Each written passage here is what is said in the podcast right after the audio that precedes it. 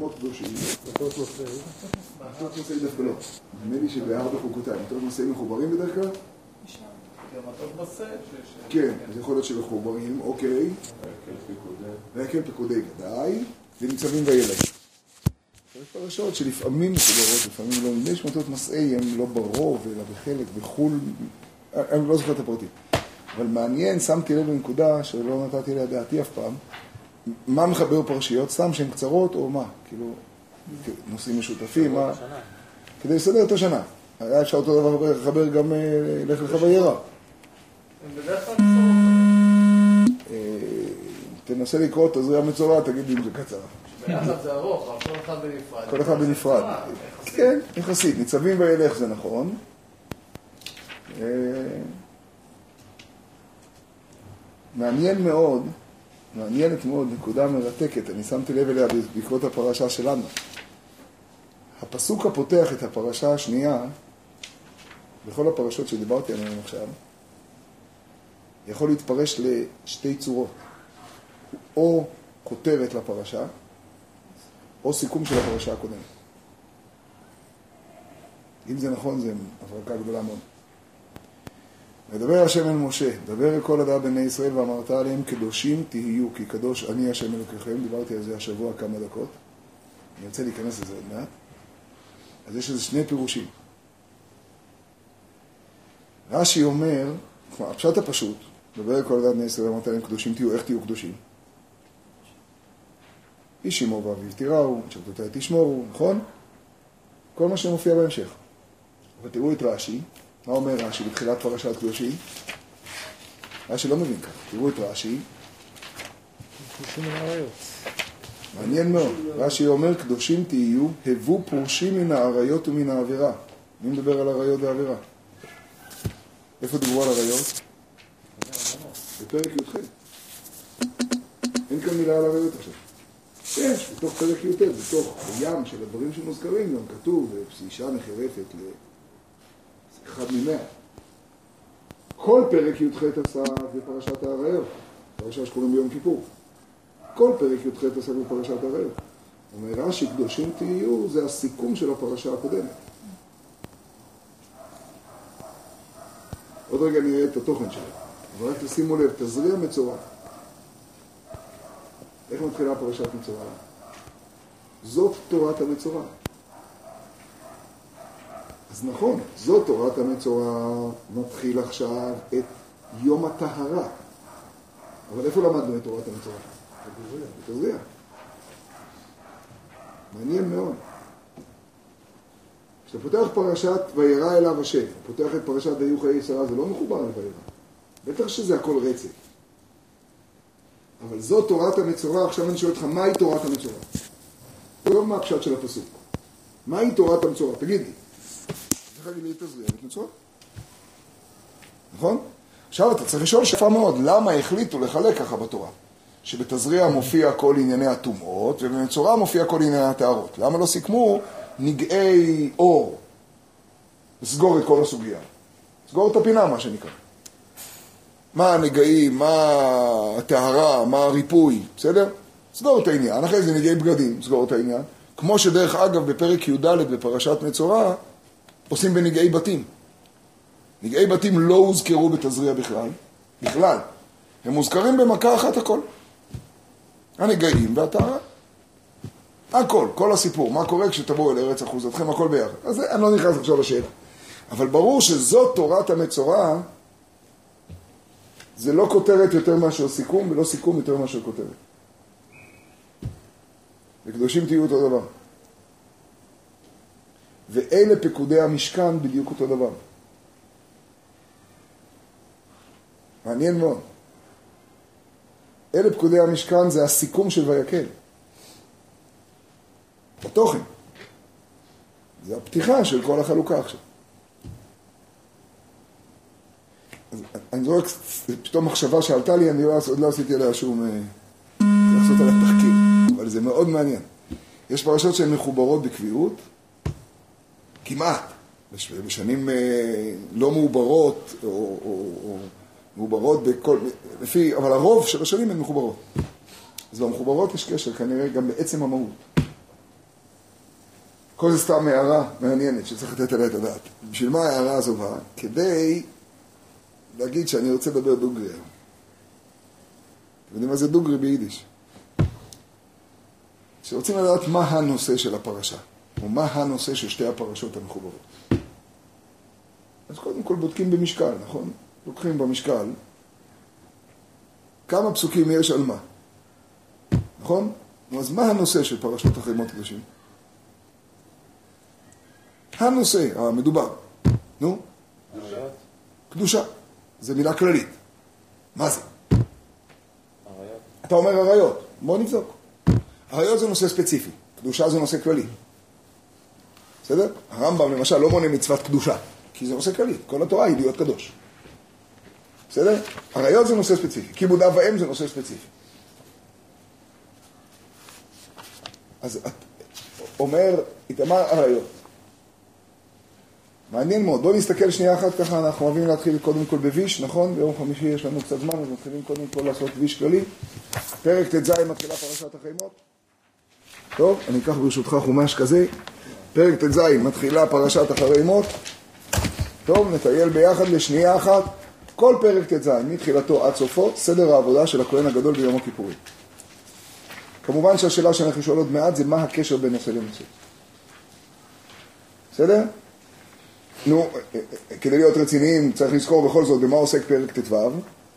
פרק ט"ו, נכון זה פרשה חדשה, אבל זה הפרשה הקודמת, נכון? אז פרק ט"ו כבר גמר את נגעים, ופתאום כל פרק ט"ו, מתחילתו עד סופו, במה עוסק? מתחילתו עד סופו ב... לא עריות, אבל בענייני צניעות. זיווה, נכון? זב וזבה, איש אשר תצא ממנו שכבת זערה, נכון? ונידה. כל פרק י"ד. שמתם לב? כולו, סליחה, כל פרק ט"ו, מחילה. כל פרק ט"ו, מההתחלה עד הסוף, כולו עוסק בזה. אחר כך, זה מעניין מאוד הסדר פה, עכשיו פתאום עוברים בפרק ט"ז לכהן גדול ביום הכיפורים. לא נראה קשור לאזור. אם אתה רוצה לחבר את זה למות שני בני אהרון, זה היה בפרשת שמיני באמצע. נכון? נראה כאילו לא קשור. טוב? זה פרק ט"ז מתחילתו עד סופו. בסדר? לא נעבור, תסתכלו מהיר, אתם רואים פרק ט"ז? כל סדר העבודה, למי שרוצה את סדר העבודה ביום הכיפורים, זה עד פסוק ל', ד' בסוף פרק ט"ז.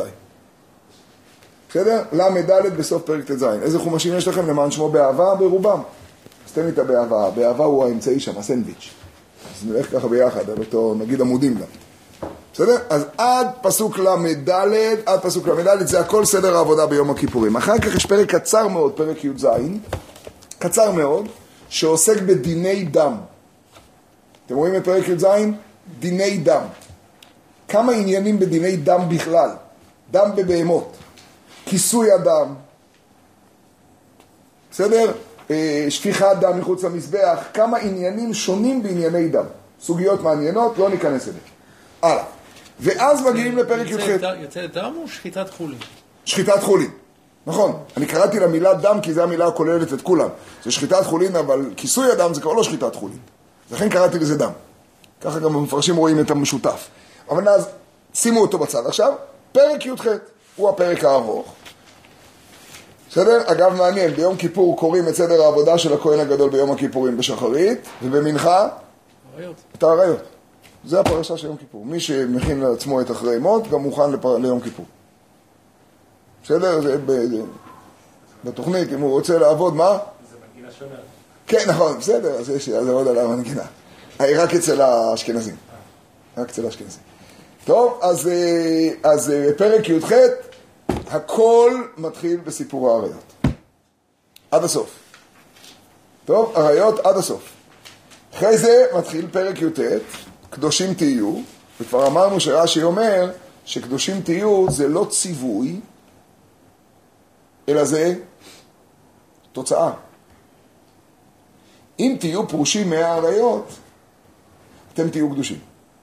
עכשיו רש"י לא טוען שזה לא כותרת, כי עובדה שהוא אמר, דבר אל כל הדת בני ישראל, פרשה זו בהקל נאמרה. אז מה, הוא הקיל אותם ואמר, מה שאמרו באחרי מות קדושים תהיו. הרי רש"י אומר פשט. אלא רש"י אומר, קדושים תהיו כי קדוש אני זה לא ציווי. אני עוד מעט אחזור לרב נחמן שהזכרתי השבוע. איזה וואטסאפ שאני רוצה לדבר עליו, הוא... דיברנו עליו דקות וצריך לדבר עליו שעות. אבל רש"י אומר, קדושים תהיו פרושים מן האריות ומן העבירה, שכל מקום שאתה מוצא גדר קדושה, כל מקום שאתה מוצא גדר ערווה, שם אתה מוצא קדושה. זה נגיעה בנקודות רגישות, אני אגיע אליהם עוד מעט. אז פרק י"ט עוסק בכמה נושאים, שהם, אני יודע מה, אני הייתי קורא אותם, המדינה היהודית. מהרמה הפרטית של כיבוד אב ואם ועד הרמה הכללית ושכר שכיר וכל דיני בן אדם לחברו, אבל גם כל מיני דינים אחרים, לקט, שכחה, פאה, קורבנות, זבחים, שלמים, פיגול. צריך להבין, המחובר שם הוא קשה, בסדר? ואז מתחיל פרק כ', שזה מאוד מעניין, פרק כ' הוא המשך ישיר של פרק י"ח. אתם זוכרים שאמרתי לכם שבתזריע מצורע עסקנו בתזריע בנגעים ובמצורע בטהרה מאותם נגעים, זו תורת המצורע? אותו דבר קורה פה. בפרק י"ח כתוב את האזהרות. לא תגלה ערוות, ערוות בת בנך לא תגלה, בסדר? ערוות אשת אביך לא תגלה, ועת זכר משכבי אישה לא, נכון? זה פרק י"ח. מה קורה בפרק כ'? מפסוק ח', תסתכלו. גם הפסוקים הראשונים הם בפרק י"ח הוזכרו גם האו והעידוני. פה זה רק בסדר הפוך. פורט של מלאכם, בוא, בוא, בוא. או, או, הנה חומש. ואז בא פרק כ', ומה הוא עושה? פרק כ', הוא, נו, מפסוק ח', תסתכלו, שמרתם את חוקותיי ועשיתם אותם. מי שיסתכל רגע, זה ממש אותה פתיחה של פרק י"ח. פרק י"ח התחיל במילים את משפטיי תעשו ואת חוקותיי תשמרו ללכת בהם אני השם אלוהיכם ושמרתם את חוקותיי ואת משפטיי אשר יעשה אותם האדם וחי בהם. אני השם איש איש של כל שאר בשרו לא תקרבו לגלות ערווה. ועכשיו שימו לב לפרק כ' בסדר? פרק כ' פסוק ח' ושמרתם את חוקותיי ועשיתם אותם אני השם מקדישכם. כי ועכשיו הוא מתחיל איש אשר יקלל את אביו זה הדבר היחיד שלא קשור לעריות ומיד כל השאר איש אשר ינף את אשת אביו מה דינו? נו, מות יומת. איש אשר ישכב מה דינו? דמיהם בם. איש אשר ישכב את כלתו מה דינו? דמיהם בם. איש אשר ישכב מה דינו? וכולי וכולי. איש אשר ישכב את זכר מה דינו? איש אשר ישכב... בקיצור חלוקה, פרק י"ח זה האזהרות ופרק כ' זה הענישה. ובעצם פרק י"ט, שימו לב, זה דבר מעניין מאוד. אם לוקחים את פרשת קדושים, פתאום שמים לב שפרק י"ט פשוט עטוף משני צידיו באריות. אז זה לא רק שצדקת בכמות, אלא שמבנה הפרשה הוא כזה, שקדושים תהיו, שכולל בתוכו את הפרק הכי אהוב בעולם, מי לא אוהב ואהבת לרעך כמוך, ו... נכון? זה כזה פרק חמוד.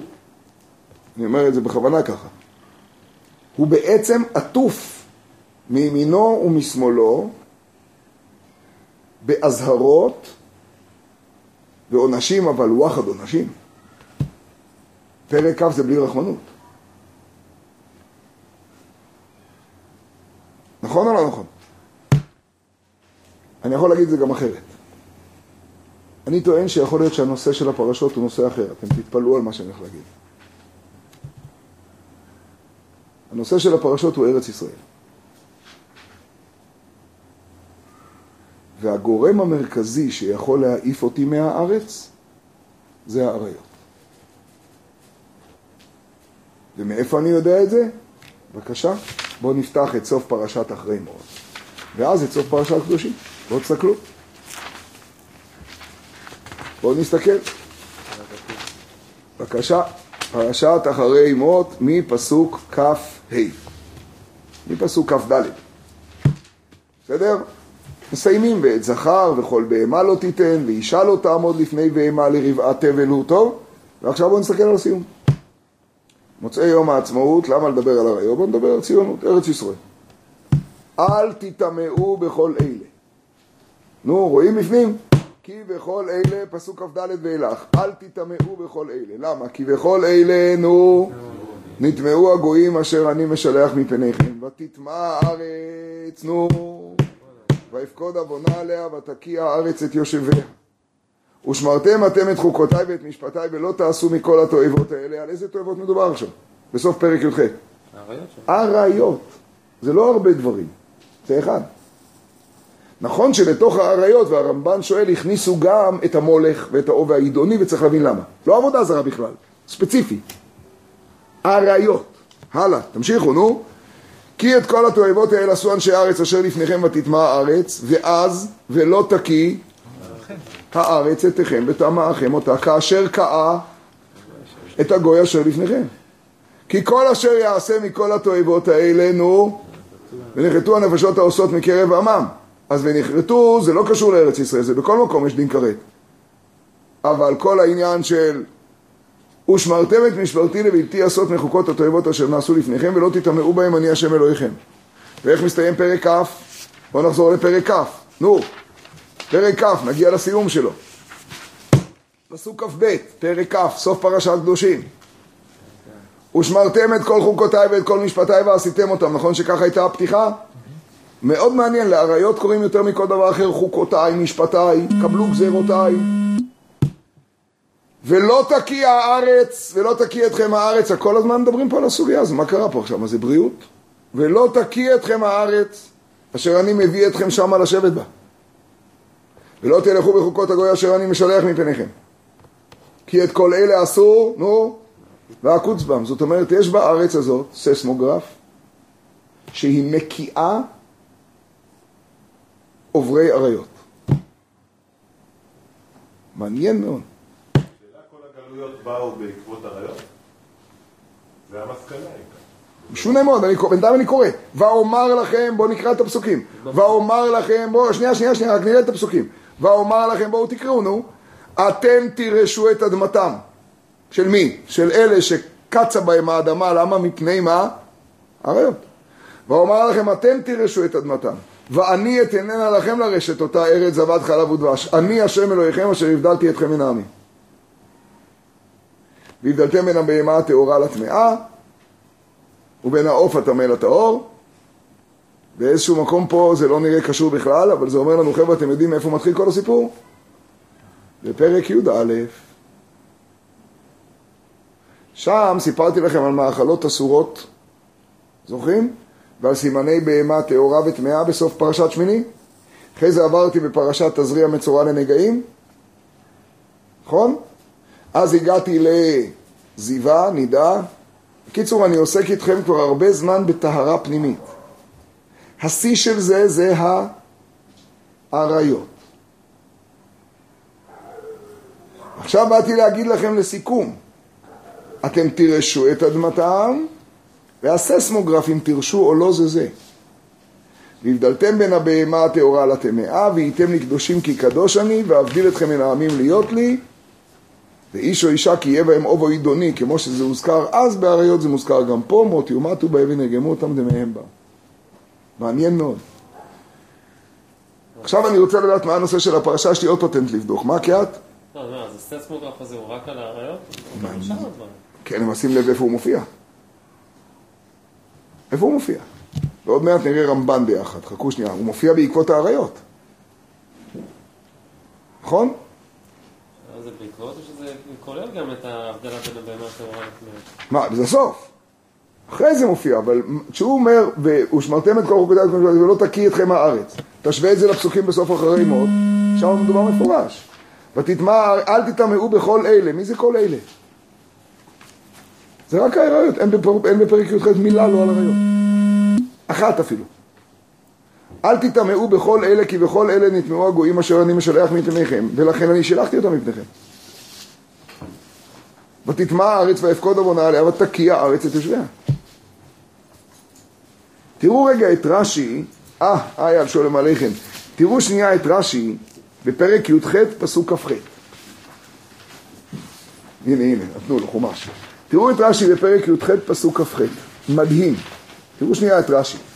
אני קורא למה שאמרתי עד עכשיו, אני רוצה לקצר בזה מאוד כדי להגיע לעניין. אני קורא למה שאמרתי עד עכשיו, או הנושא המרכזי הוא עריות, הוא עוטף את כל פרשת קדושה, ואני צריך להבין למה. זה נושא, זה נראה כאילו זה משהו משוגע קצת. צריך להבין את הנקודה. מצד שני, אני אומר לכם עוד פעם, הנושא הוא, האם הארץ תקיא אותם?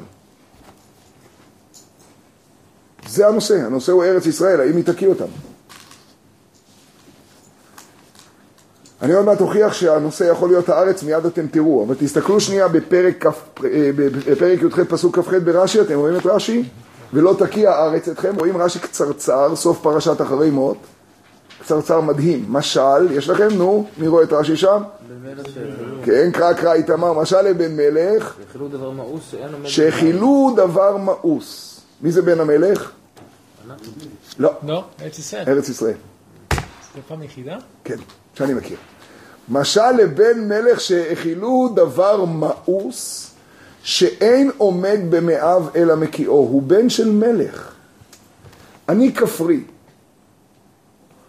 נותנים לי דבר מאוס, זה מה התרגלתי. אני מתגבר. אני כל החיים עישנתי. אני אומר, זו הדרך היחידה לשרוד. קח בן מלך בריא, תן לו דבר מאוס. הבחור משתגע.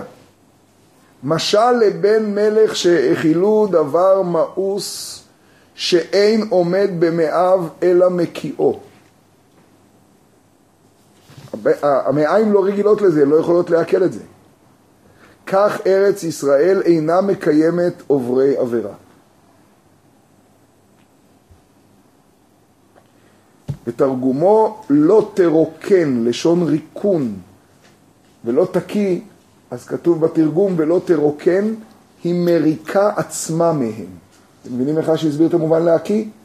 להקיא זה מתוכה. יש בארץ תכונה שהיא מקיאה, הביטוי הכללי פה הוא עוברי עבירה.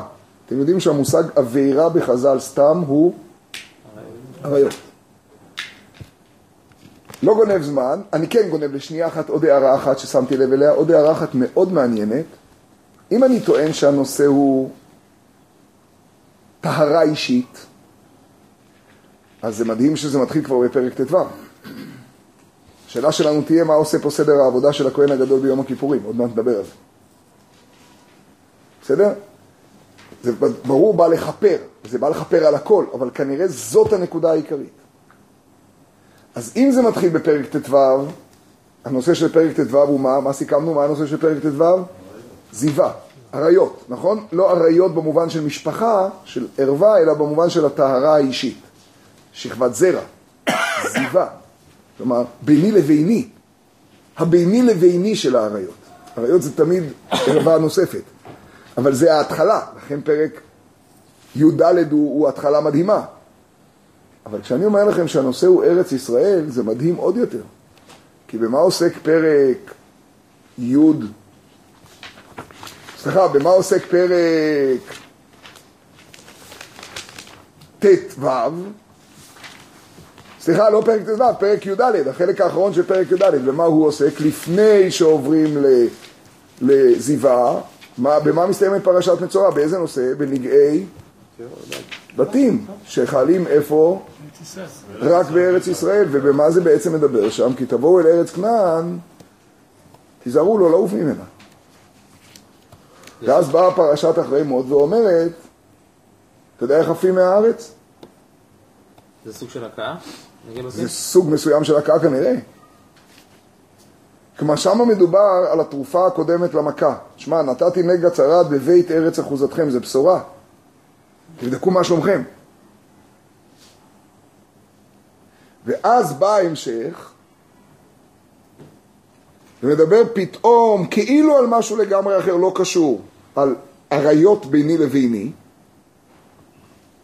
מבחינת העברית זה סתירה, כי עריות זה עוד מישהו, אבל זה ביני לביני, זה ההגדרה של עריות במובן שחז"ל משתמשים בו, בסדר? ואחר כך פתאום סדר העבודה של יום כיפור, ושוב, כל פרשת קדושים מוקפת, כמו שאמרנו, באזהרות ועונשים, גם המבנה הזה הוא מדהים. כשזה מתחיל בזה חוקותיי ומשפטיי אשר תשמרו ואז וחי בהם. כל הדינים של וחי בהם ולא שימות בהם הולכים על כל התורה, אבל זה כותרת לאריות. ואם לא הארץ תקיא. ואחרי זה פרשת קדושים, הקלאסית, כלומר פרק י"ט, שדרך אגב, זורק לאוויר, חלק גדול מאוד מההלכות שלו קשורות לארץ ישראל. לקט, שכחה, שכחה לא מופיע פה, לקט, פאה, בקוצריכם, עורלה. כל הדינים של הארץ, הארץ הזאת שבה מתרחשת הקדושה הזאת, והיא תקיא אתכם, חוזרים על זה בסוף פרשת קדושים, פר עריות. הגריזים בהר עיבל. מעניין מאוד. כאילו פרק י"ט הוא כאילו התיאור האידילי, כך בעצם זה אמור להיראות. כל זה יכול לא להתרחש, וכשתשאלו למה יש הרבה סיבות, זאת הנקודה. זהו, זה מספיק, זה אפשר ללכת לישון, רק לחשוב על זה. זה, זה רציתי רק לראות, אה, קודם כל, פשוטו של מקרא, כבר סיכמנו הרבה פעמים, זה מה? זה לפשוט, לפתוח פשוט את הספר. אז אם חיברו לנו את החמות וקדושים, ופתחתי בהתחלה שכשמחברים זה שהפסוק הראשון אומר זה מחובר. יום פתיחה של פרשת ימור אה, מתעסקת עם זה קצת. אצל הכהנים. נכון, נכון, נכון, נכון, נכון. עכשיו היא עוברת אצל הכהנים בדיוק לזה קודם כל. ואחרי זה היא ממשיכה בדינים אחרים של כהנים. זה מעניין מאוד. כלומר, גם אצל הכהנים פותחים בסוגיה הזאת. יש רמב"ן מאוד ארוך, שאני לא אכנס אליו, אני אבל ממליץ אה, לפחות ככה לטעום אותו, להרגיש אותו, לשיר אותו, לא יודע מה, רמב"ן מאוד ארוך, מאוד יסודי בסוף פרשת החימות, מאוד מאוד יסודי. אני רק אקרא לכם את כותרתו, הוא בעצם שואל את השאלה שבאה לכולם פה לשאול, מה הקשר בין אריות לארץ ישראל? הוא שואל את שאלת השאלות. הוא, הוא, זה רמב"ן שמעריך, מדהים, והוא אומר כך: ותטמע הארץ ויפקוד עוונה עליה ותקיע הארץ, אני קורא רק כמה שורות כ- כהקדמה למה שאני רוצה. החמיר הכתוב באריות. בעבור הארץ. אתה רואה כיעד שהוא מחבר אריות לארץ. שתטמע בהן ותקיא הנפשות העושות. באופן כללי או פרטי? מה זה כללי או פרטי? כאילו, אם בודדים עושים את זה, הם... כנראה כן. או שרק שיש קרוב, לא יודע. לא יודע, לא כתוב דבר כזה. לא יודע, ברוך אתה אדוני אלוהים מלך שהכל נהיה בדברו. אני גם לא יודע, יש חלוקה כזאת. אריות לכאורה היינו, תראה, הוא, הוא ממשיך ואז הוא עונה לך, חכה. והנה האריות חובת הגוף, ואינן תלויות בארץ. אתם שומעים את הרמב"ם? והנה האריות חובת הגוף, נכון שזו השאלה שכל אחד רוצה לצעוק פה. מה, מה, מה, מה זה עושה פה בכלל? אבל סוד הדבר בכתוב שאמר בהנחל עליון גויים בהפרידו בני אדם יצב גבולות עמים וכולי כי חלק השם עמו וכולי והעניין כי השם הנכבד ברא הכל. ושם מי שרוצה להבין את הרמב"ן בשיטתו על ארץ ישראל זה הבסיס, הרמב"ן הזה בסוף החימות אבל זה דרך סוגיית האריות, וזה מדהים, הרמב"ן הזה, אבל האמת שהיה שווה לצלם אותו וללמוד אותו לבד וזהו. אבל תשמעו מה הוא אומר. בעניין כי השם הנכבד ברא הכל, ושם כוח התחתוניים בעליונים. כלומר, לכל עם יש את השר שלו. יצב גבולות עמים בהנחל עליון גויים בהפרידו בני אדם. בסדר? שבעים שרים, שבעים אומות. טוב? ונתן על כל עם ועם בארצותם לגוייהם כוכב ומזל ידוע. לכל עם יש את הכוכב שלו, את השר שלו, שרו של עשיו, שרו של ישמעאל. וזהו שנאמר, אשר חלק השם אלוהיך אותם לכל העמים. כי חלק לכולם, בכבוד, כי חלק לכולם מזלות, תראה איך השאירו לך, אתה רואה? שלא יהיה הווה אמינא בכלל. רק חומש. אה, רבי צחוק, בוא. בטח. כי חלק לכולם מזלות בשמיים, וגבוהים עליהם מלאכי עליון וכולי. אבל כל זה נכון בכל הארצות ובעולם. אבל הנה השם הנכבד הוא אלוקי האלוקים ואדוני האדונים לכל העולם. הוא לא חלילה מלאך בין המלאכים, אבל ארץ ישראל אמצעות היישוב היא, שהפיזיקאים יסבירו את המושג, היא אמצע היישוב, נחלת השם מיוחדת לשמו. לא נתן עליה מן המלאכים קצין, שוטר ומושל, יצב גבולות עמים, לא נתן עליה קצין, שוטר ומושל, בהנחילו אותה לעמו המייחד שמו זרע אוהביו. נחזור לפסוק, בהפרד עליון גויים, בהנחל עליון גויים, בהפרידו בני אדם יצב גבולות עמים, נתן לכל אחד את זה, למספר בני ישראל הכל בשביל שלבני ישראל הוא ייתן את כחלק השם עמו. כלומר, כשהוא חלק לכל העמים, לכל אחד, את המשהו שלו, מי הוא המלאך שפה נמצא, נו, כי חלק השם עמו. עכשיו אתם מבינים את השיחה של משה עם הקדוש ברוך הוא אחרי חטא העגל? לא מוכן הנה מלאכי הולך לפניך. ואם אין, אני לא הולך על זה. אתה לא דעתני את אשר תשלח עמי. כי אין כזה בכלל. אין דבר כזה, אנחנו לא הולכים. בדיוק, לא דעתני זה כי אין דבר כזה, זה לא בפרוטוקול. אין כזה. רק אתה. חבל, אתם יודעים מה זה יעקב חבל נחלתו? יש חבל. התקשרות קוראים לזה, חבל. זאת אומרת שכשאתה פוגע פה למטה, זה מיד פוגע שם. ואז הארץ נקיעה. משל לבן מלך שהכילו דבר מאוס ואינו עומד אצלו, אז הוא מכיר אותו. למה זה אריות? הרי אריות חובת הגוף, עוד מעט.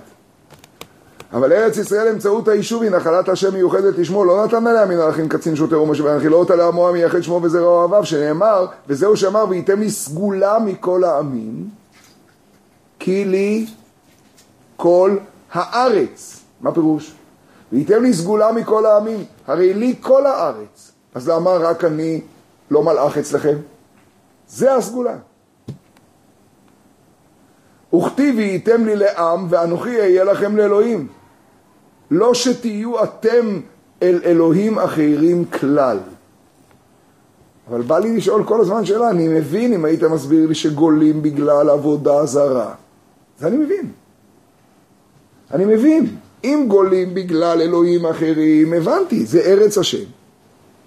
והכנסת צרתה לתוכה. אני מבין. גם לכבוש את המלכה עימי בבית. למרות שעבודה זרה זה לא חובת הגוף.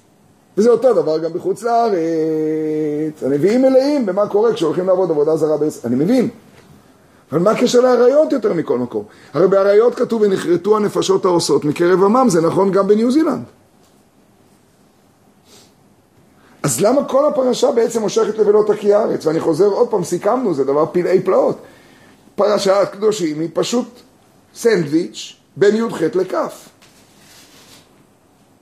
זה פרשת עריות. שהתוכן שלה הוא בעצם ארץ ישראל.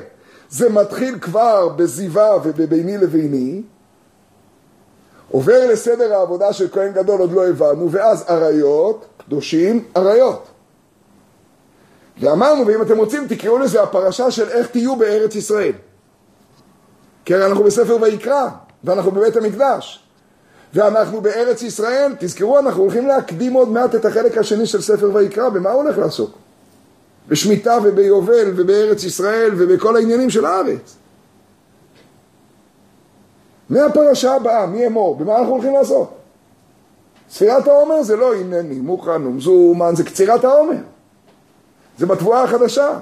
מה אנחנו הולכים לעסוק? מהחצי השני של ספר ויקרא, בקדושה של הארץ. התחלנו בבית המקדש בבפנים ועוברים לארץ.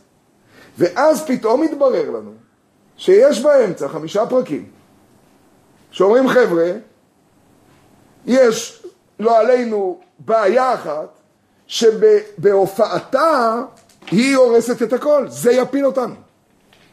אני מדבר בגוף ראשון יחיד, אדם צריך להכיר את עצמו. יש דבר אחד שכשזה יופיע, שב, שב, מאיפה באת? יש דבר אחד שכשהוא יופיע, זה יגמור אותנו, זה יפיל אותנו. והדבר הזה הוא, הוא הנושא הזה. ואתה לא מבין למה. כי אם מה שאתה רוצה להסביר לי עכשיו זה שארץ ישראל היא אמצעות היישוב, והקודש ברוך הוא פה, אז מה האריות יותר מכל דבר? רוצה להגיד משהו? לשאול? זה זה מופיע בעוד הקשר מאוד הגיוני, כמו ש... לגבי השמיטה, אז תרצה הארץ לשבתותיה. שם זה הגיוני. שם זה הגיוני, זה מה שאני טוען. יש עוד הקשר שזה מופיע? לא. שם מופיע כללית חרב, שכל האווירות בסופו של דבר, אבל שהאריות זה הסוגיה? אתם רואים שהרמב"ן עושה את זה לכל העסק. הוא גם מגדיר ככה. אני אומר לכם, אני לא אכנס יותר מדי לזה. זה נכון שמוזכר פה גם עבודה זרה עם האריות. הוא אומר, והנכון שהזכיר גם עבודה זרה עם זיכרון האריות. ועל כולם אמר אל תטמאו בכל אלה. אבל הסוגיה היא האריות, הוא מדבר על זה כל הזמן פה. ואז הוא אומר, אני רק אקרא את לשונו הקצרה, וזהו, והנה קידש העם היושב בארצו בקדושת האריות וברובי המצוות להיותם לשמו. אתם רואים? האריות וכל השאר. ולכן אמר ושמרתם את כל חוקותיי בכבוד, בכבוד, בכבוד, בכבוד. ולכן אמר ושמרתם את כל חוקותיי ואת כל משפטיי ועשיתם אותם ולא תקיע הארץ אתכם, וכתיב ואמר לך בה אומר לכם אתם תירשו את אדמותם ואני אתננה לכם לרשת אותה, אני השם אלוקיכם אשר הבדלתי אתכם מן העמים. יאמר כי הבדיל אותנו מכל העמים אשר נתן עליהם שרים ואלוהים אחרים. במה הבדיל אותנו? מה הבדלתי? אני, אני, אני, אני. כל הפרשה, קדושים תהיו כי קדוש, אני. ואבדיל אתכם, אני. ואתם תירשו את אדמתם ואני אתננה לכם לרשת אותה, אני השם אלוקיכם. מה קרה פה? מה קרה פה? אתם יודעים מה קורה באריות? באריות יש בגידה. אבל אני חשבתי שזה ביני לבינה. לא ביני לבינו. כמו ששאלתי מקודם, בעבודה זרה היה מתאים שידובר. חכו, אני רק מסיים. אה, יאמר כי הבדיל אותנו מכל העמים אשר נתן עליהם שרים ואלוהים אחרים ותיטול לנו את הארץ שיהיה הוא יתברך לנו לאלוהים ונהיה מיוחדים לשמו. והנה הארץ שהיא נחלת השם הנכבד תקיא כל מטמא אותה. ולא תסבול עובדי עבודה זרה ומגלים עריות.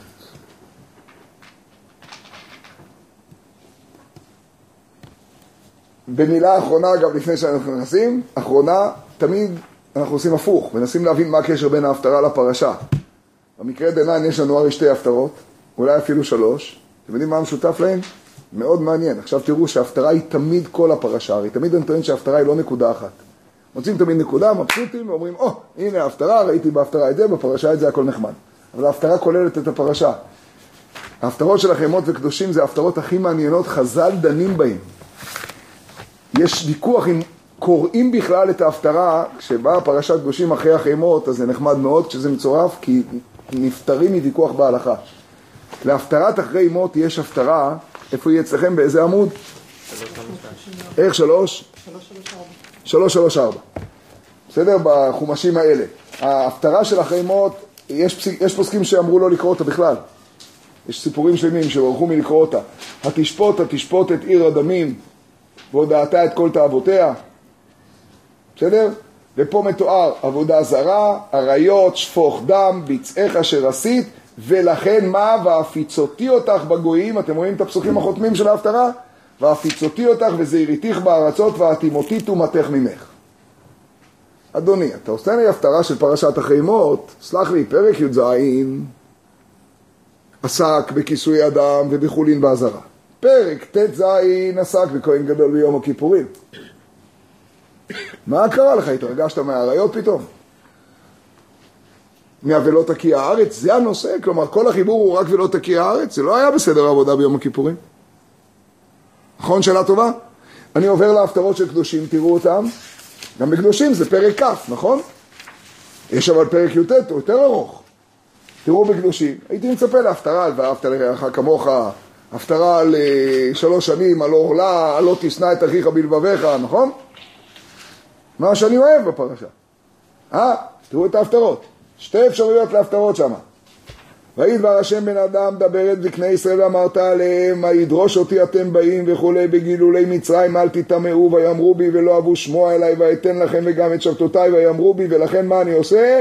נו, פסוק ט"ו ואילך וגם אני נשאתי ידי להם במדבר לבלתי אביא אותם אל הארץ. יען במשפטיי מאסו ואת חוקותיי לא הלכו ותחוס עיני עליהם משחתם ולא עשיתי אותם כלה במדבר. גלות בקיצור הגלות תרפא אתכם זה הנושא של ההפטרות. מעניין מאוד, לא? נושא ההפטרות הוא גלות. לא הבנתי, מה אם אה, הוכיח תוכיח את עמיתך ואם לא תשנא את רעימה? אין, לא היה בפרשה, לא דיברנו. ואיש אמו ואביו תיראו ומצוותותיה תשמור, אביס עליהם משהו קצת. והפטרת קדושים, אתם רואים פה כתוב כמנהג האשכנזים, לא ניכנס עכשיו לדיונים ההלכתיים על ההפטרות, יש שם דיונים, כי, כי יש דעה שאסור לקרוא את ההפטרה האחת כי היא מדי קשה, לא ניכנס לפרטים. תכלס, אלה ההפטרות, מה שנקרא הארסנל. מה, מה, מה, מה ארגז תחמושת של ההפטרות לפרשיות החיימות קדושים? הכל אותו עניין. נו, הלא כבני קושיים, זו הפטרה של נחמה, אני אחזיר אתכם. לא השמד השמיד, אלא אחזיר, לכן קוראים את הלא כבני קושיים, כדי שזה יהיה בנחמה. זה אותו נושא מהצד הטוב. בסדר? זאת אומרת, לא לקרוא את ההפטרות של אני אגלה אתכם, אלא לקרוא את ההפטרה של אני אחזיר אתכם. יפה, אז מה אבל מוסכם הנושא? גלות. ובעזרת השם איך נמנעים ממנה. והכל מסביב לאריות. דבר מדהים, שצריך לתת עליו את הדעת הרבה מאוד מאוד. אה, איתי הצדיק. תן, תן לו שם חומש, נדב, תן לו, on the house.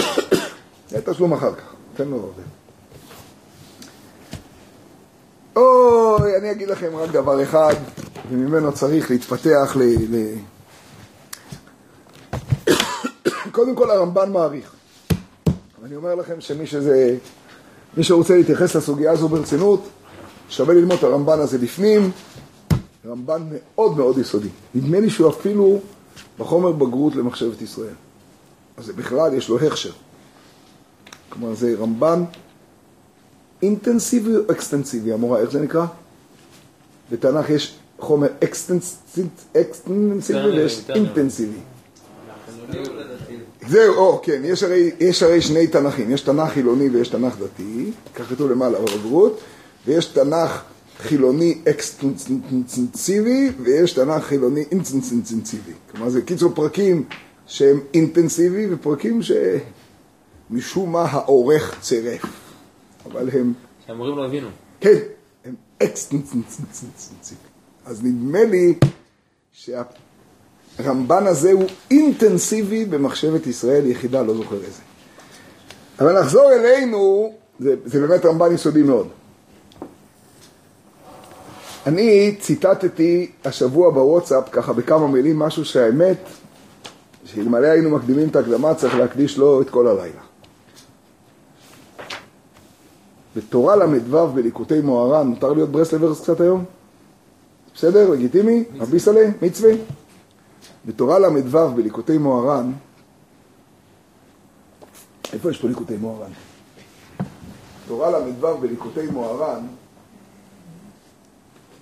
עשו מצווה. אם תמצאו ליקוטי מוהר"ן, טוב, אם לא, נגיד בעל פה את, ה, את החלק שמופיע פה. יש תורה שלמה, תורה ל"ו, שבה רבנו מדבר הרבה על העניין של... על העניין של עריות ואחדות השם, שמע ישראל השם אלוקינו השם אחד, ואז יש שם הערה באותיות קטנות, ובהערה כתוב רבי נתן נביא, הוא מוסיף לתורה ל"ו פסקה, ושם כתוב, ליקוטי מוהר"ן, כמה? ל"ו. ואז מופיע, הוא מוסיף שם פסקה, הוא אומר, את זה מצאתי בדף אצל רבי נתן, אצל רבי נחמן, דף מרבינו, והדף היה קרוע במחיצה, אבל אלה הדברים שהיו ברורים שם. ושם הוא מביא כך, אני קורא לכם את המילים. איך מתחילה פרשת קדושים תהיו? קדושים תהיו כי קדוש אני השם, איש אמו ואביו תיראו, אל תפנו אל האלילים. נכון?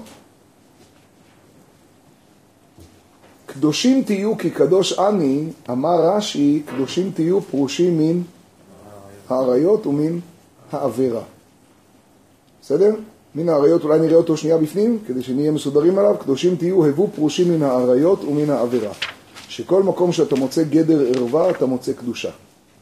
כל מה שאני אומר פה הערב, זה לעצמי, שבעזרת השם נתחזק בתוך כולנו. שכל מקום שאתה מוצא גדר ערווה, אתה מוצא קדושה. אישה זונה וחללה וגומר, בפרשת אמור. לא ייקחו, כהנים, ומיד כתוב, אני השם מקדישכם. ולא יחלל זרעו, אני השם מקדשו. קדושים יהיו לאלוהיהם, אישה זונה וחללה, וכולי.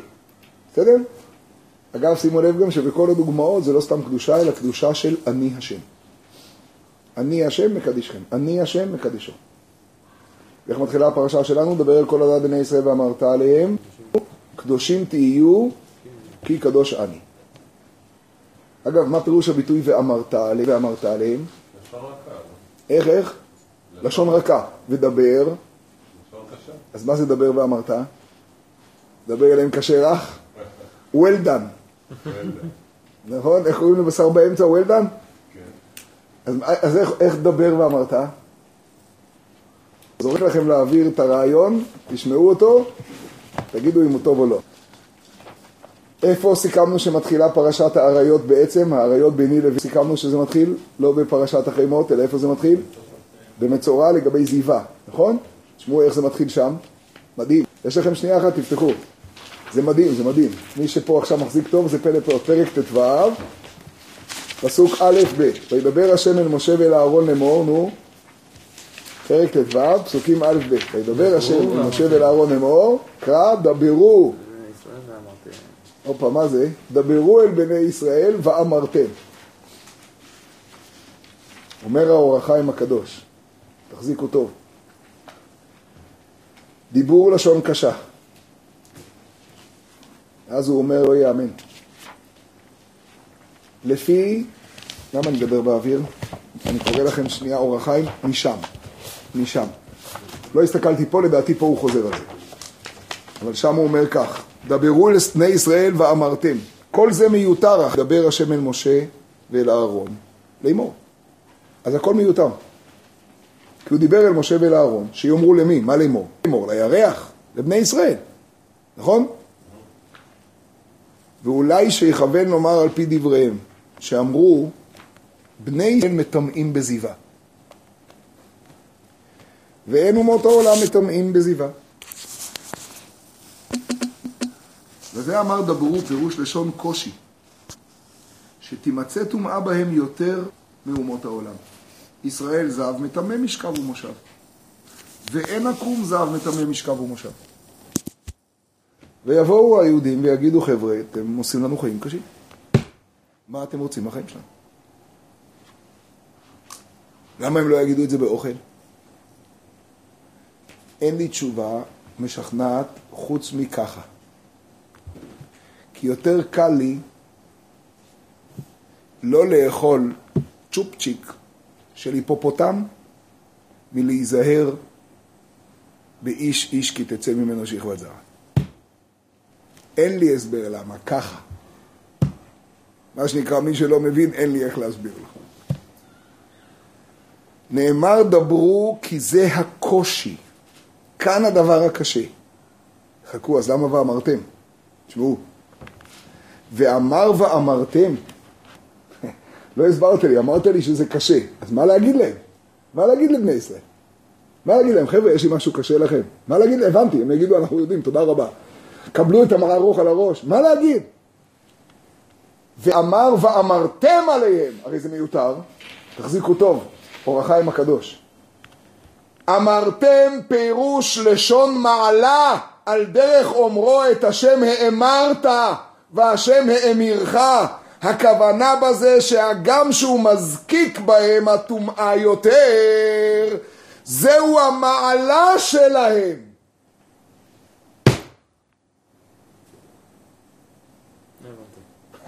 דברו אל בני ישראל, יש לי משהו הכי קשה להגיד לכם. שאתם כבני אדם אומרים, תגידו מה אתם רוצים בחיים שלנו. זה נגד הטבע. אתה יודע למה האריות נקרא גזירות? רש"י אומר בתחילת הפרשה, קיבלתם מלכותי, קבלו גזירותיי. הרבי אומר בשיחה, אתה יודע למה זה נקרא גזירות? כי ההיגיון אומר, ההיגיון אומר, אתה הרי רוצה שנתחתן עם אישה ממשפחה טובה, נכון? אברהם שלח למצוא ממשפחה טובה, נכון? כולם הלכו. אז למה אתה אוסר עליי את המשפחה שלי? למה אתה נכנס לי לחיים? למה אתה גוזר לי את החיים שלי? למה אתה גוזר אותי? זה המקום שבו יהודי, שבו אדם חש את זה. יותר ממאכלות אסורות. יותר מכל דבר. אני לא אומר שקל לשמור שבת. זה לא מלחמה יצרית של אה, אריות. אני לא אומר שקל להיזהר מאבק לשון הרע, אבל זה לא תיקון הכללי. זה לא הכל. עוד מעט נבין את העניין. זה לא קשה יותר או, או פחות, זה כל ההוויה. אני אסביר את זה עוד רגע, חכו. ואז הוא אומר, דברו אל בני ישראל, ואמרתם עליהם, תאמרו להם, צדיקים, זאת המעלה שלכם. הקושי? לא, ההיזהרות, הטהרה, בגלל שאתם מיוחדים, לכן אתם צריכים להיות בטהרה מיוחדת. למה הגוי לא מחויב בטהרה הזאת? הווה אמרתם ובמה אתם מובדלים? אין עניין להמיר אותו. אין עניין להאמיר אותו. בעברית אחרת תגיד, הגוי גם כן צריך ללמד אותו לא להלבין פנים? כן. בטח שבע מצוות בני נוח, זה לא תרצח. זה כולל לא להלבין פני חברו ברבים. צריך לדבר איתו על לשון הרע? כן. על הכל כן. שבת ומועדים לא, כי זה לא שייך להיסטוריה שלה. צריך לדבר איתו על ענייני זיווה ונידה ו... מה פתאום? אולי בכל זאת קצת לחנך אותו לזה? לא, לא שייך.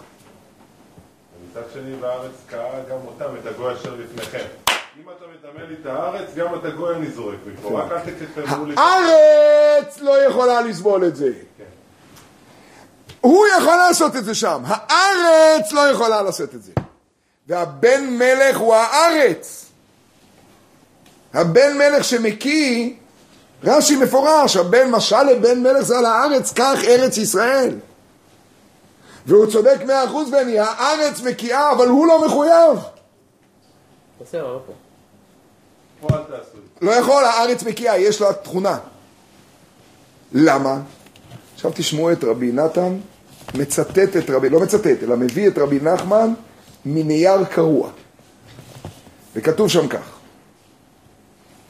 קדושים תהיו, אה, רבנו, בכבוד, כי קדוש אני. מי שמקדש עצמו מזאת התאווה, בכבוד, בכבוד, מי שמקדש עצמו מזאת התאווה, אזי הוא, זה קצר, לכן אני מרשה לעצמי לקרוא את זה מבפנים. אזי הוא מתקשר, המקור זה ליקוטי מוהר"ן ל"ו. מי שאחרי זה רוצה יראה את זה. לכבות שמה? אין שום בעיה. בכבוד. ההוא האחרון, מתחתיו כתוב נושים.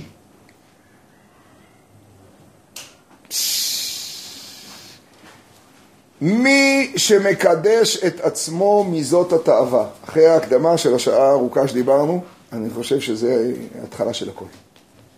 אזי הוא מתקשר במלכות שמיים. הנקרא אני. כתב חידה. נכון שהפסוק קדושים תהיו כי קדוש אני קשה, דיברנו על זה לפני השיעור? תשמעו איזה עומק, אחר לגמרי ממה שדיברנו. קדושים תהיו כי קדוש אני. זה כתב חידה או שזה הסבר? איך אנחנו יכולים להיות קדושים כי אתה קדוש? אתה יכול להיות קדוש כי אתה אתה. אבל מה זה קדושים תהיו כי קדוש אני? אתה אין סוף ברוך הוא. אז איך קדושים תהיו? כי יעקב חבל נחלתו. אז מה זה אני? עכשיו תשמעו. מי שמקדש את עצמו, אחרי כל האקדות אפשר להתחיל להבין. מזאת התאווה. אזי הוא מתקשר במלכות שמיים, הנקרא אני. מלכות שמיים נקרא אני. כמו שכתוב, קדושים תהיו כי קדוש אני. עוד מעט נדבר על המילה הזו אני. ובכל מקום שאתה מוצא גדר ערווה, תמצא קדושה. אני מתחיל במשפט חריף. קשה להגיד, אבל זה חשוב, זה הדברים הכי חשובים. הנציב מוולוז'ין אומר, דברו אל בני ישראל ואמרתם עליהם. למה כתוב שם דברו ואמרתם? הרי כבר כתוב, וידבר השם אל משה אל אמור. אז הנציב לא מסביר את ההבדל בין לדבר לאמרת, אבל הוא אומר כי ככה אנשים אוהבים לא לדבר על זה. אז דברו על זה. ככה הוא אומר. וכל רב לתלמידיו, שידבר, שידבר, זה הדבר הזה, צריך לדבר, אל תפחדו. ונציב ועמק דבר. דברו, ואמרתם, דברו, דברו. תשמעו, המושג אני, קדושים תהיו כי קדוש אני, איך התחלנו את הכל בפרק י"ד? בזיווה, נכון? קראנו לזה, זה לא עריות, זה העריות של אני. את העריות של אני פוגשים בתורה תחת המילה מעשה אונן.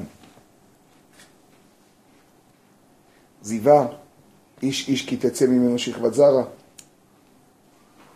מאוד מעניין שהמושג של האני מתאר מצד אחד, קחו את המילה אני, אני, ותקרירו אותה עכשיו בשתי הופעות שונות. אני רוצה להבין את המילה אני עוד מעט. נכון שאני פירושו I? אני טוען שמזה נבין את פרשת עריות, חכו. נכון שאני פירושו I, איך, נכון? אני הולך לדבר עכשיו על משהו אחר לגמרי. למילה אני יש שתי משמעויות נפרדות, שונות, שלכאורה אין שום קשר. אתם מכירים את המילה אנינות? מה זה אנינות? ירחם עד מאה ועשרים שנהיה לכולנו, מה זה אנינות? לא לא... אז מה זה, לא, זה, זה כבר הסבר נוסף. מה זה אנינות? מה זה אנינות בהלכה? אדם שמתו מוטל לפניו. מתו מוטל לפניו. אנינות, זה השלב הראשון באבלות, כשעוד אין קבורה. ומה זה אותה מילה במובן של החטא? אותה מילה, מעשה אונן, אוננות, זה פרק י"ד, נכון? אתה אומר שיש עוד מושג למילה אני, וזו מילה מדהימה בעברית. המילה אני זה לא סתם I, אלא כנראה זה מושג אחר שצריך להבין אותו. אנחנו מבינים שהמילה אני זה כנראה מילה חשובה. כתוב בזוהר הקדוש שאני, תשמעו, זה דברים מדהימים. כתוב בזוהר הקדוש שאני זה שמו של הקדוש ברוך הוא. אני, אני, דש מה דקות שבריחו. ראיתי סיפור יפה מאוד, לא יודע את מקורו המדויק, אבל ראיתי סיפור יפה שהתניא הגיע אל המגיד, כנראה כשהוא היה בצעירות, אני לא יודע את המקור המדויק. כשהוא מגיע אל המגיד, והמגיד שואל מהדלת מי זה? אז הקול מהצד השני של הדלת אומר אני. אז המגיד לא פותח. פעם שנייה המגיד שואל מי זה? הוא אומר אני. ואז הוא שומע קול מבפנים שהמגיד ככה... מי מעז לקרוא לעצמו אני חוץ מהקדוש ברוך הוא? זהו. ונכנס, אה, זה כנראה היה בשלב ראשון, אני לא יודע, אני לא, צריך לראות מקור הסיפור. אני ראיתי אותו, אבל צריך אה, לוודא את המקור. הם יושבים, מדברים הרבה מאוד, ואז אומר המגיד לתניא, שמחר יש איזה ברית אצל יהודי אחד בעיר, במזריץ', בעיירה שם, והוא רוצה שהוא ילך לשם, אבל שהוא ילך לשם בלבוש של עני ואביון. ילך לשם ככה, לבוש שלא יכירו, שלא ידעו כלום. הוא הולך לשם, והוא יושב בקצה השולחן. ומקבל ככה מה... צלוקה, נותנים לו, שיריים והכל. הוא קם ללכת אחרי ברכת המזון, הכל מסתיים, הוא קם ללכת, פתאום מתנפלים עליו, על התניא. נאבדה שם כפית כסף, כסף טהור. ונו, מי זה יכול להיות אשם בזה? הקבצן שהגיע. מי עוד יכול לגנוב שם כפית כסף? את כולם הכירו, הוא היחיד שם שאף אחד לא הכיר. נוחת שם פתאום איזה קבצן, ונעלם. תפסו אותו, וזו הייתה השפלה נוראית. הוא אומר להם, זה לא אני, אני לא עשיתי שום דבר, זה לא אני. אין דבר כזה, זה אתה, הכל. טוב, הוא מקבל אה, ביזיונות בשקט, ואז בשלב מסוים הוא צועק פעם שנייה, זה לא אני, אני לא הגנב, זה לא אני הגנב. ואז מישהו צועק מהצד, תעזבו אותו, תעזבו אותו, תעזבו אותו, סליחה, מחילה, תעזבו אותו, מצאו את זה פה בפח. זה נפל. נתניה הבין שזה הכל משהו שהמגיד עשה פה, והוא הולך אל המגיד חזרה, והמגיד אומר לו, נו, איך היה? אז הוא אומר לו, למה, מה, מה? אז הוא אמר לו שהיית צריך תיקון, אמרת פעמיים אני. אז פעמיים היית צריך להגיד שזה לא אני. על הפעמיים שאמרת אני, היית צריך פעמיים להגיד זה לא אני. עכשיו אפשר להמשיך. לא. כן, הכל מתוקן, אפשר להמשיך. זה לא אני. אני זה שמו של הקדוש ברוך הוא, ואני, ואני רוצה להסביר שנייה למה. כי אני זה הקדוש ברוך הוא. אני בעברית, דיברנו פעם על המילה הזאת. אני בעברית זה מילה, בשונה מהמילה הזאת בשפות האחרות שזה סתם הבהרה. איי זו מילה חסרת משמעות. קבעו אותה בתור אני. בסדר? זה דבר מאוד מעניין. כי לילד זה הכי קל להגיד, איי. אני תמיד טוען שסתם, יש כאן הבדל אה, נפשי, פילוסופי, בין העברית לשפות אחרות. לילד בעברית הרבה יותר קל להגיד אבא מאני. כי קודם כל תגיד אבא. וגם יותר קל לו להגיד אתה מאני. ואימא, אחרי זה יהיה זמן להגיד אני. לא, לא צריך למהר, הכל יהיה בסדר. או תגיד הרבה מדי אני, don't worry. אנחנו לא דואגים לך. אתה תספיק, אתה תתחנך לזה, שלא תשלים כל החיים שלך את הבגרויות. אתה תגיע ואתה תלמד אני, זה יהיה בסדר. כשתצטרך, תלמד. תמתין עם זה, זה בסדר. המילה הראשונה שילד מהדגל עם החמישים ושמונה כוכבים אומר זה איי. זה נראה ככה. אבל זה מהצד, תשמעו את המהות. אני זה שורש, והשורש הוא מה שאמרת לפני רגע אייל, והאלוקים עינה לידו. כתוב שאם, שומע איתי זה פילה פלואים, כתוב שאם אדם היה ונפל לו גרזן מהיד, נשל הגרזן מידו, אז הוא שוגג, נכון? הוא לא מזיד. הוא לא מזיד, זה תאונה. נכון? אז כתוב בפסוק שנכון שתאונה, הוא לא חייב. אבל יש עיר מקלט. למה? כי התאונה הזאת, איך אנחנו אומרים? תאונות לא קורות, תאונות נגרמות, נכון? האלוקים עינה לידו. האלוקים עינה לידו. עינה. מילה מעניינת. מהמילה הזו באה המילה תאונה. מהמילה הזו באה המילה לא תאו נה אליך רעה. בעברית בעצם מה זה לא תאונה? לא תיגרם. עכשיו בואו נחשוב רגע בעומק, הפילוסופים לא הפסיקו לדבר על זה כל החיים שלהם. כשאני אומר אני, למה אני מתכוון? לידיים שלי, לרגליים שלי? לעצמיות. או, לעצמיות, מה זה? זה עצמות השם. בעברית אחרת, אם אני רוצה לדבר בלי המילה השם עכשיו, אם אני רוצה להסביר את זה למי שלא מבין כלום, אז אני אומר, אני מדבר על המניע הראשון. זה דבר אדיר. אני חושב, אתה יודע מה זה אני חושב? זה יכול להיות גלגלי השיניים שלי. זהו, זה הבסיס. אני זה שמו של הקודש ברוך הוא. האני הזה, שהוא עצמותי חושב. גם אני אוכל, גם אני מרביץ. גם לא עלינו, אני אריות.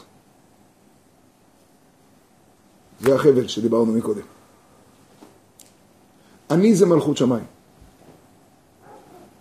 אבל יש מצד שני אובדן צלם אלוקים.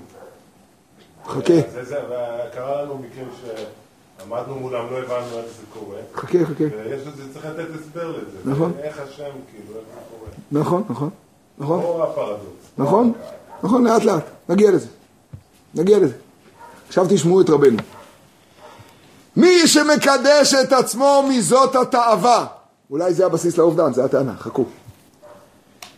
ואנחנו רוצים להבין למה מהאריות יותר מכל דבר אחר, איך שאל הרמב"ן זה חובת הגוף. מה זה קשור דווקא לארץ ישראל, ולמה תקיע הארץ, ומה זה, אתם יודעים מה זה להקיא דרך אגב? מחילת כבודכם, אתם יודעים מה זה להקיא? זה פעולה הפוכה, שאני לא יכול לעצור אותה, היא באה מבפנים. אני בן מלך שהאכילו אותו דבר מאוס. זה עצמות, אבל בהפוכה. זה ישתלט עליי. מאיפה זה ישתלט עליכם מבחוץ? הלוואי מה שמשתלט עליי מבחוץ אני יכול לשים שומרים. זה ישתלט עליי מבפנים. אני מקיא. האני מקיא. אבל זה בעקבות אכילת חריף או משהו, אז אתה מכיר. בעקבות זה שאני בן מלך שאכל משהו שלא מתאים לו. ארץ ישראל בעקבות אכילת חריף מקיאה. היא בן מלך, והיא קשורה בחבל, ועכשיו תשמעו כדי לא לדבר פילוסופיות. יש אני של קדושה, ויש אני שלעומת זה. אתם יודעים מה זה האני שלעומת זה? יותר מכל החטאים בעולם, אני יודע. האני שלעומת זה, זה השורש שאנחנו קוראים לו מעשה אונן. זה משתלט עליי מבפנים. זה אגב לא חייב להיות במעשה, זה יכול להיות בכלל במחשבה. זה בכלל יכול להיות קשור לדברים שאני בכלל לא יודע לשמוע, אני בכלל לא יודע מאיפה הם באו. זה החטא היחיד, כשכתוב איש איש כי תצא ממנו שכבת זרה, זה החטא היחיד שיכול להיות בכלל קשור לזה שאני ישן ואוכל ולא נמצא וכן נמצא, ואני לא יודע מזה בכלל. ואני לא מרגיש שום שליטה על זה בכלל. אתם מבינים מה אני אומר? זה אני. זה הלעומת זה של אני. זה דבר פלא פלאות. קדושים תהיו, פרושים מן האריות. כי מי שמק... שרוצה להיות מי שמקדש את עצמו מזאת התאווה, נתקשר במלכות שמיים הנקרא אני. כדכתיב קדושים תהיו כי קדוש אני. את זה מוצא רבי נתן בדף קרוע של רבנו. ובכל מקום שאתה מוצא גדר ערווה תמצא קדושה. אתם יודעים מה פירוש קדושה? עצמות. כי קדוש זה מובדל. הרי את מקודשת לי, פירושו עצמות שלי. במה את עצמות שלי? בעצם זה שאת עצמות שלי, את מופרשת ומובדלת מכל השאר. איך נעשים הקידושים? איך נעשים הקידושים? אני הולך עכשיו לכל הגלובוס ואומר, היא לא שלך, היא לא שלך, היא לא שלך, היא לא שלך, היא לא שלך, היא לא שלך, היא לא שלך, יש כאלה שעד היום עושים את זה. או שאני אומר, קידושין, וממילא בן מלך מקיא את כל מה שלא שלו, לא שלו, לא שלו, לא שלו, לא שלו, לא שלו, לא שלו. בכל מקום שאתה מוצא גדר ערווה, אתה מוצא קדושה. דבר גוואלד, גוואלד, זה לא ייאמן. תשמעו אותו טוב. אבל מאן דגלה הרעין, מי שמגלה עריות, הכי אי הוא יתגלה בין אינון הרעין, באינון אלוהים אחרים. נכון שאמרנו שה"ולא תקיע הארץ" זה על ענייני גילוי עריות ועבודה זרה, ואמרנו עבודה זרה אני מבין, אבל גילוי עריות אני לא מבין? תשמעו את רבי נחמן. מובא בזוהר כדחזי רבי שמעון, עוד מעט ל"ג בעומר. תשמע, כי אה, זה גוואלד. כדחזי רבי שמעון נשי שפירין. שראה רבי שמעון יופי. הוא הרגיש שיש בזה יצר אורי. נשי שפירין. אמר, נו, מה הוא היה אומר? תגידו, איזה פסוק היה אומר? מה, מה הוא אמר? מה הכי מתאים להגיד? נו, מה היית אומר? רבי שמעון בר יוחאי, איזה פסוק הוא יגיד? מה? קדושים תהיו, נו, ולא תטורו. אל תפנו אל אלילים! כך כתוב בזוהר. כי ניאוף היא אריות. אלוהים אחרים, מלכות הרשעה. שמעתם את רבי נחמן בדף קרוע? קדושים תהיו כי קדוש אני זה פרושים מן האווירה. איך פוזיטיבית איש אמו ואביו תיראו ואת שבתותיי תשמעו. עכשיו אדם יודע את כל מי שעשו אותו בעולם. קדוש ברוך הוא אבא ואימא. ואז כשהוא יודע של מי הוא, הוא לא פונה אל אלילים. כתחזי רבי שמעון נשי שפירין אמר, אל תפנו אל אלילים. ובשביל זה סגולה לבטל הרהורי ניאוף. לכן עיקר העניין בכל הסוגיה הזאת זה הרהור, כי זה אני. ובשביל זה סגולה לבטל הרהורי ניאוף, לקרוא שמע ישראל וברוך שם כבוד. מה זה קשור? כמובן הפסוק ויקרב אל אחיו את המדיינית, אצל מי זה נאמר? נו, זמרי בן סלו, אתם זוכרים עם כוסבי בצור? נמצא שעיקר הניסיון והצירוף, מה שכתוב שם כאן, אין את זה, אבל אתם יודעים מה כתוב שם בזוהר הקדוש? ויקרב אל אחיו את המדיינית, וכל העם רואים ובוכים, העם בוכה שם. כתוב בזוהר שהם צעקו שמע ישראל, השם אלוקינו, השם אחד. התחילו לצעוק שמע ישראל. מה זה שמע ישראל? סתם שמע ישראל? כשרואים משהו צועקים שמע ישראל? למה הם צעקו שמע ישראל? כי אם ההרהור של הכוסבי מגיע לפתח אוהל מועד, אז הם צועקים השם אחד. הם רוצים להצליח לא לפנות אל אלילים. זה- זה אני האופקי. זה האני האופקי. וזמרי בן סלום מביא להם את הלעומת זה הכי חזק שיש, את האני שלא נכון להתגבר עליו, מה אתם רוצים ממנו? וכיוון שארץ ישראל זה יעקב חבל נחלתו, זה חלק השם עמו, זה המפגש של הקודש ברוך הוא עם המציאות. אז הארץ מקיאה. זה דבר פלא פלאות. אתם יודעים מה זה עבודת הכהן הגדול ביום הכיפורים? הפגישה הזו של הקודש ברוך הוא איתנו, הקודש הקודשים. הגילוי מה האני האמיתי. הקליפה או קפרנה. כי הכל הכל הכל לא באמת, כי קודש הקודשים, כי בפנים יש אני אחר. לכן זה מתחיל בנגעי בתים בארץ ישראל, ואז כל הפרק של האני של הלעומת זה.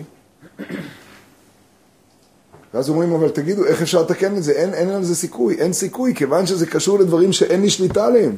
מה זה איש איש כי תצא ממנו שכבת זרע? זה לא, מה אתה רוצה מהחיים שלי? אין אפשרות. אין לזה שום סיכוי. אז תדע לך שיש כהן הגדול ביום הכיפורים ועיצומו של יום מכפר ויום שמחה לישראל והקדוש ברוך הוא מוחל עוונות והקדוש ברוך הוא בעצמותך אתה קודש קודשים. אתה קודש קודשים בעצמותך. וכיוון שאתה קודש קודשים בעצמותך, אפשר לדרוש ממך קדושים תהיו. איך? כי קדוש אני. ואז תהיה אני. זה קודש קודשים של הרב קוק. זה מה מה? קודש קודשים של הרב קוק. כן, החיבור, שעושה קודש וחול ביחד. ואז תהיה אני. כי אני זה מלכות שמיים. מה, איזה רבי נחמן זה, אה?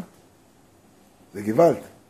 הנס שלכם זה שאין לי פה ליקוטי מוהר"ן, אחרת הם לומדים את תורה ל"ו, זה... נעצור בזה. שנמצא שעיקר הניסיון והצירוף שמנסים לאדם. לא נעים לקרוא אותו, כי זה נראה כאילו הוא מדבר עם מישהו מסוים.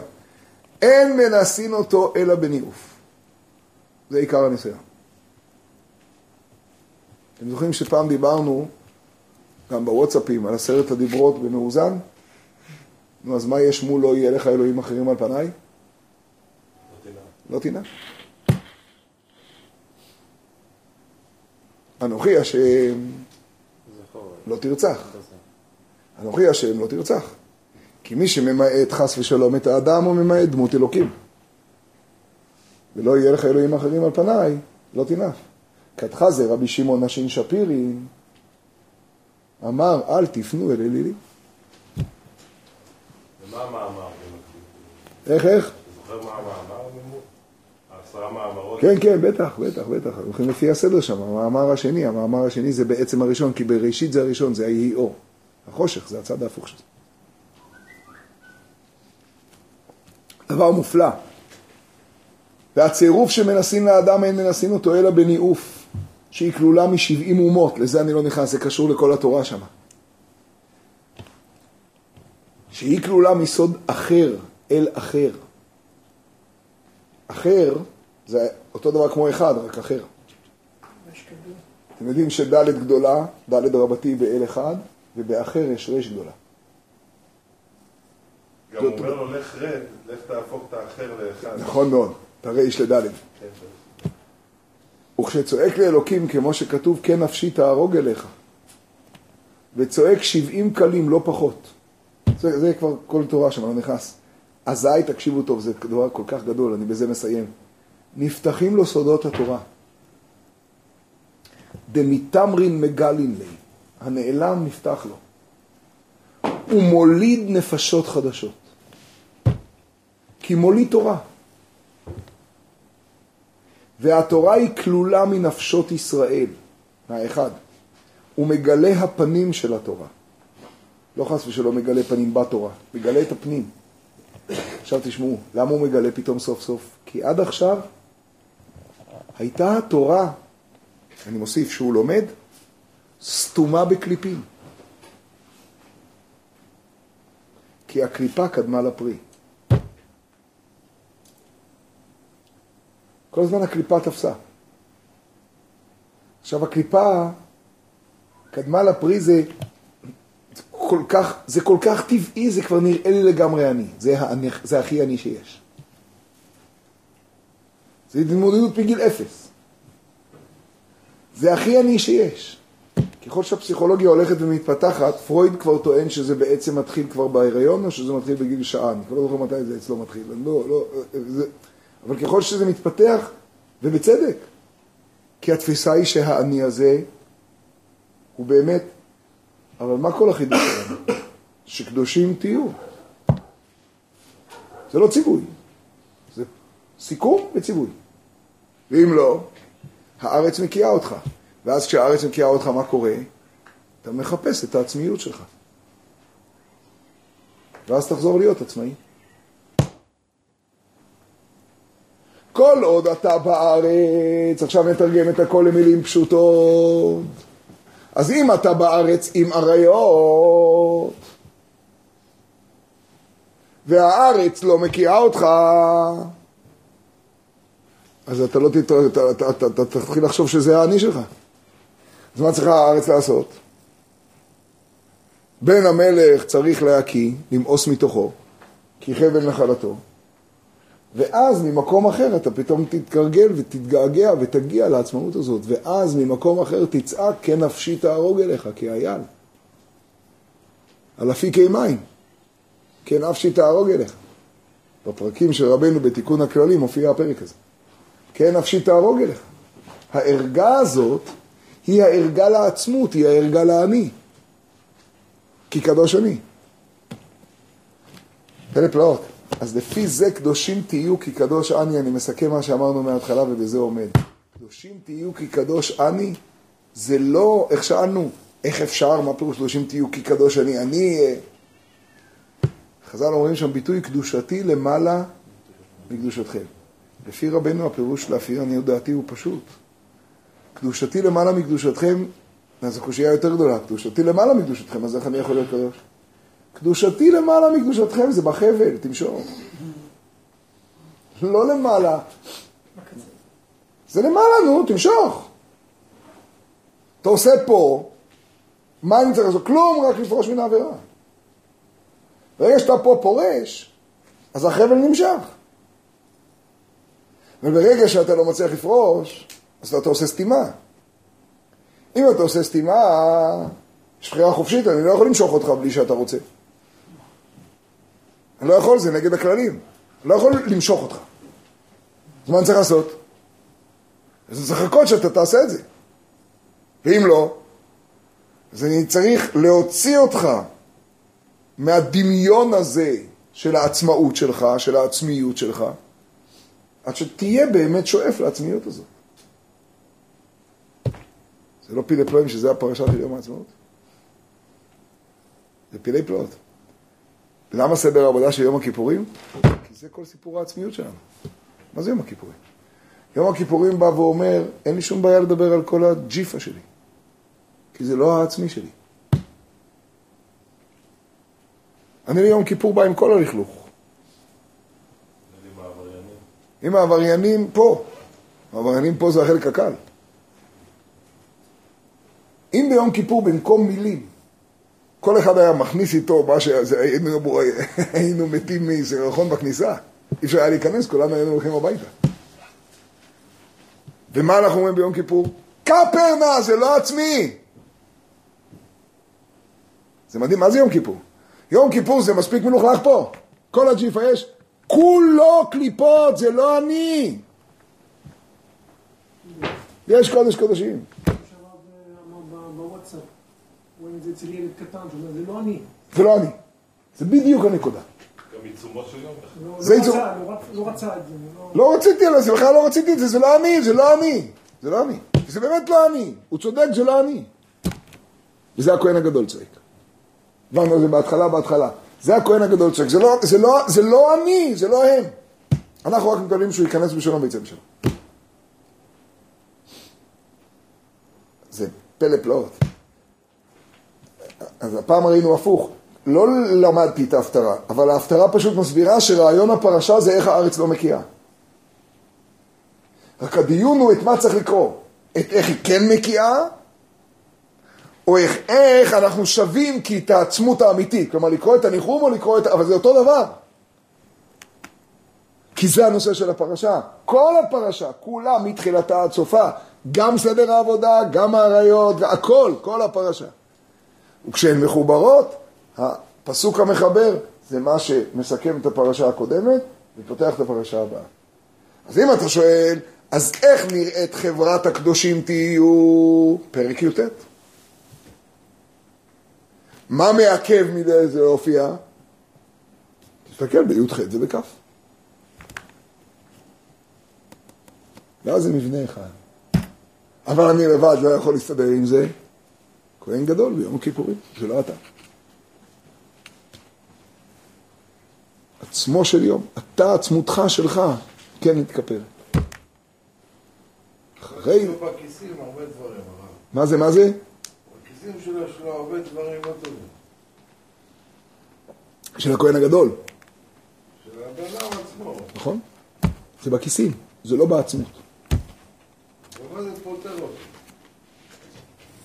מה פירוש מה זה פותר אותו?